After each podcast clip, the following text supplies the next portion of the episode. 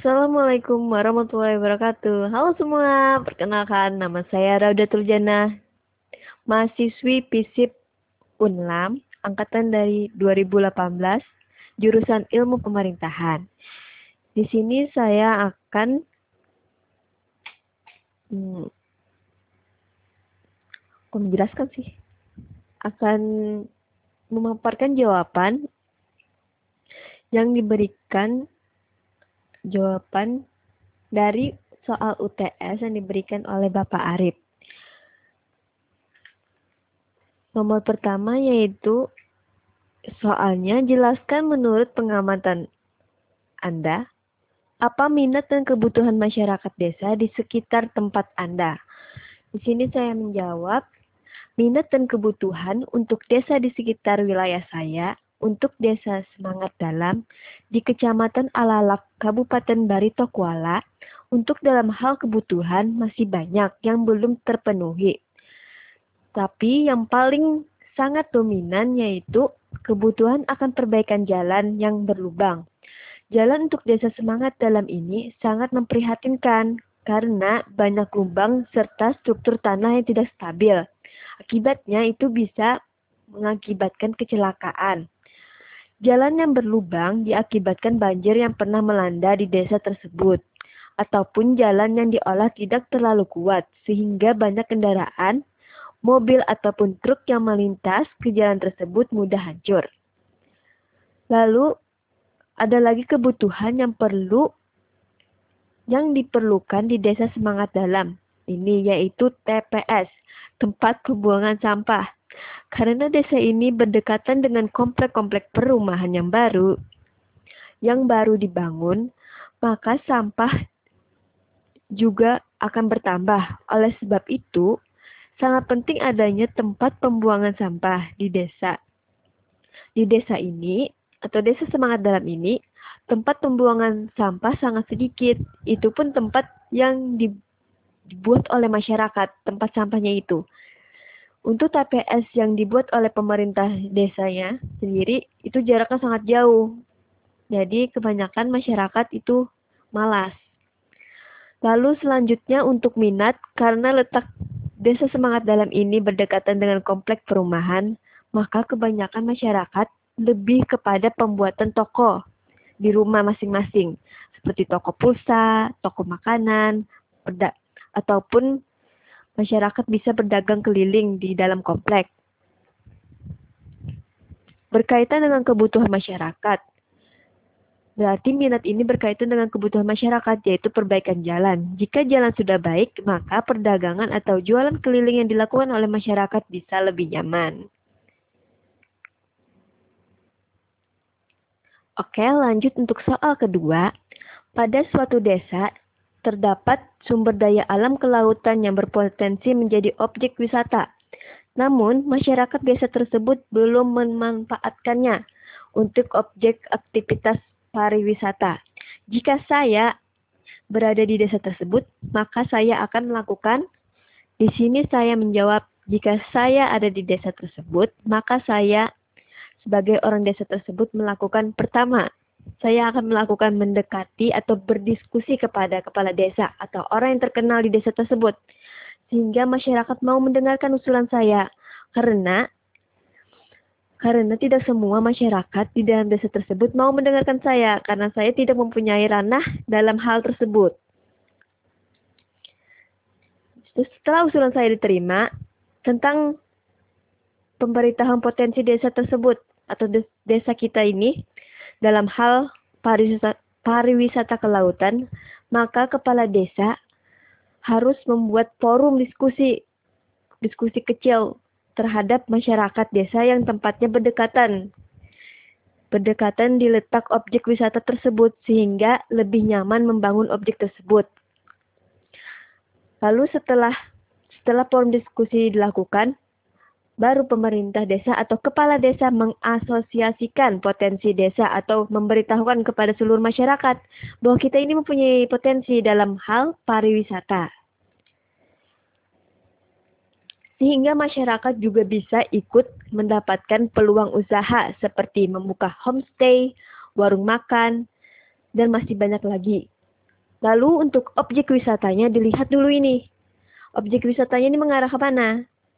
Di sini kan dijelaskan dalam hal kelautan, maka akan lebih bagus jika kita membangun stand-stand foto pada pada beberapa titik yang mempunyai pemandangannya bagus, sehingga banyak wisata yang bisa berfoto di sana. Lalu membangun water sport yang berisikan seperti permainan banana boat, jet ski, surfing, dan snorkeling. Lanjut untuk soal ketiga. Pada suatu desa terdapat masyarakat yang sangat beragam, beragam, berbeda agama, berbeda suku, dan berbeda bahasa, serta berbeda sosial lainnya. Kemudian pada suatu peristiwa terjadilah konflik besar, yang mana antara masyarakat bertikai. Sebagaimana pemuda desa tersebut, maka saya yang bisa saya lakukan adalah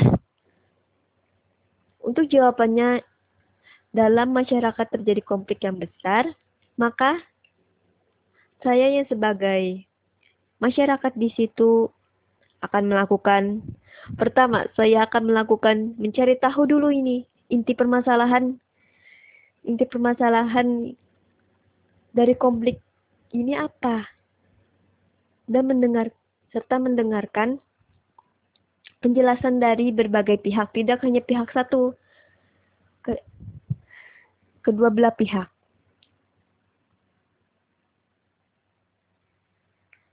Setelah setelah baru mengetahui inti dari masalah ini, maka saya akan menggunakan di sini ada tiga bentuk pengendalian konflik secara umum yang terjadi di masyarakat. Yang pertama, kolidasi, yaitu pengendalian konflik yang dilakukan melalui lembaga tertentu untuk memungkinkan diskusi atau pengambilan keputusan yang diadili di antara pihak-pihak yang bertikai. Yang kedua, meditasi, mediasi. Meditasi Mediasi menunjukkan pihak ketiga sebagai mediator sebagai sebagai mediator dengan kesepakatan yang disetujui kedua belah pihak. Yang ketiga, ada arbitrasi. Dilakukan apabila kedua belah pihak yang berkonflik sepakat berdamai atau terpaksa menerima hadirnya pihak ketiga yang memberi keputusan terbaik untuk menyelesaikan konflik. Untuk di Indonesia sendiri sering dilak sering menggunakan penyelesaian konflik dengan mediasi dengan mendatangkan pihak ketiga. Jika jika jika berkenan bisa saya bisa saya yang sebagai pihak ketiga yang tidak mempunyai hubungan dengan kedua belah pihak serta memahami konflik yang terjadi jika konflik tersebut sudah sangat tak bisa dikendalikan oleh lagi secara kekeluargaan maka lebih baik menyerahkannya ke, ke pemerintah atau melalui jalur hukum. Lalu soalan terakhir. Jika saya menjadi seorang presiden, maka saya akan membuat program-program desa sebagai berikut. Di sini minimal ada lima program yang saya angankan jika saya menjadi presiden. Sebenarnya program-program yang ada sudah sangat bagus, cuma kurangnya pengawasan dalam pelaksanaan atau persiapan yang belum matang membuat program tersebut menjadi tidak maksimal. Untuk program pertama, mungkin masih banyak wilayah-wilayah desa yang belum terjangkau oleh aliran listrik, aliran listrik karena jalurnya yang sesuai, susah untuk dilalui. Sehingga saya membuat membuat atau berangan membuat program ini, yaitu program pengelolaan air sungai menjadi pembangkit listrik tenaga mikrohidro. Sebenarnya program ini sudah dilakukan oleh beberapa daerah, tapi karena minimnya pengetahuan masyarakat desa bagaimana membuat bagaimana membuat alat alat alat-alat pembangkit listrik sehingga dibutuhkan peran pemerintah dalam hal ini. Program ini program ini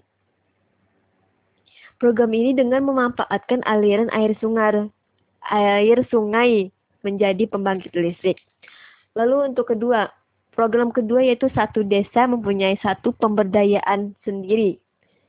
Dengan adanya tenaga ahli, maka perkembangan di desa itu sendiri bisa membuat inovasi-inovasi yang sesuai dengan keadaan desanya atau kebutuhan desanya atau minat desanya sehingga dapat meningkatkan perekonomian masyarakat dengan dengan memanfaatkan dinas pemberdayaan sendiri dalam desa. Lalu untuk yang ketiga yaitu desa pintar. Program ini hendaknya untuk membantu beberapa-beberapa desa yang berdekatan dengan membangun sekolah dari SD sampai SMA sehingga tidak adanya di desa itu putus sekolah atau yang tidak bersekolah anak-anaknya. Lalu keempat, program kartu tani. Sebenarnya program ini sudah dilaksanakan oleh Presiden, lebih tepatnya Presiden Jokowi. Cuma masih banyak kendala lagi seperti tani yang kurang paham bagaimana membuat kartu ini ataupun tata caranya yang membuat kartu tani ini terlalu terlalu susah atau terlalu ribet bagi tani bagi tani kecil khususnya serta kelangkaan pupuk bersubsidi. Sebenarnya program ini bagus, hanya kurang persiapannya matang sehingga petani para petani kurang paham oleh sebab itu sebaiknya sebelum kita meluncurkan program ini, ada baiknya membuat forum diskusi atau mengasosiasi, mengasosiasikan terlebih dahulu kepada para petani di desa masing-masing dengan menjelaskan dengan menjelaskan bagaimana sistem kerja program tersebut. Lalu untuk kelangkaan pupuk organik mungkin bisa diinovasikan dalam membuat pupuk organik dengan bahan yang berbeda, serta murah dan dapat dan mudah didapat. Lalu untuk program terakhir, bantuan dana desa, eh, salah, bantuan dana desa wisata. Program ini dikhususkan untuk membangun desa dalam hal pembuatan wisata di desa. Dengan adanya dana bantuan ini, dana ini fokus untuk pembuatan dana bantuan desa wisata ya. Diharapkan pembangunan desa wisata di desa bisa lebih cepat sehingga bisa meningkatkan penghasilan desa serta perekonomian masyarakat. Oke, sekian itu saja jawaban dari saya. Mungkin banyak kekurangan dari jawaban saya. Sekian dan terima kasih.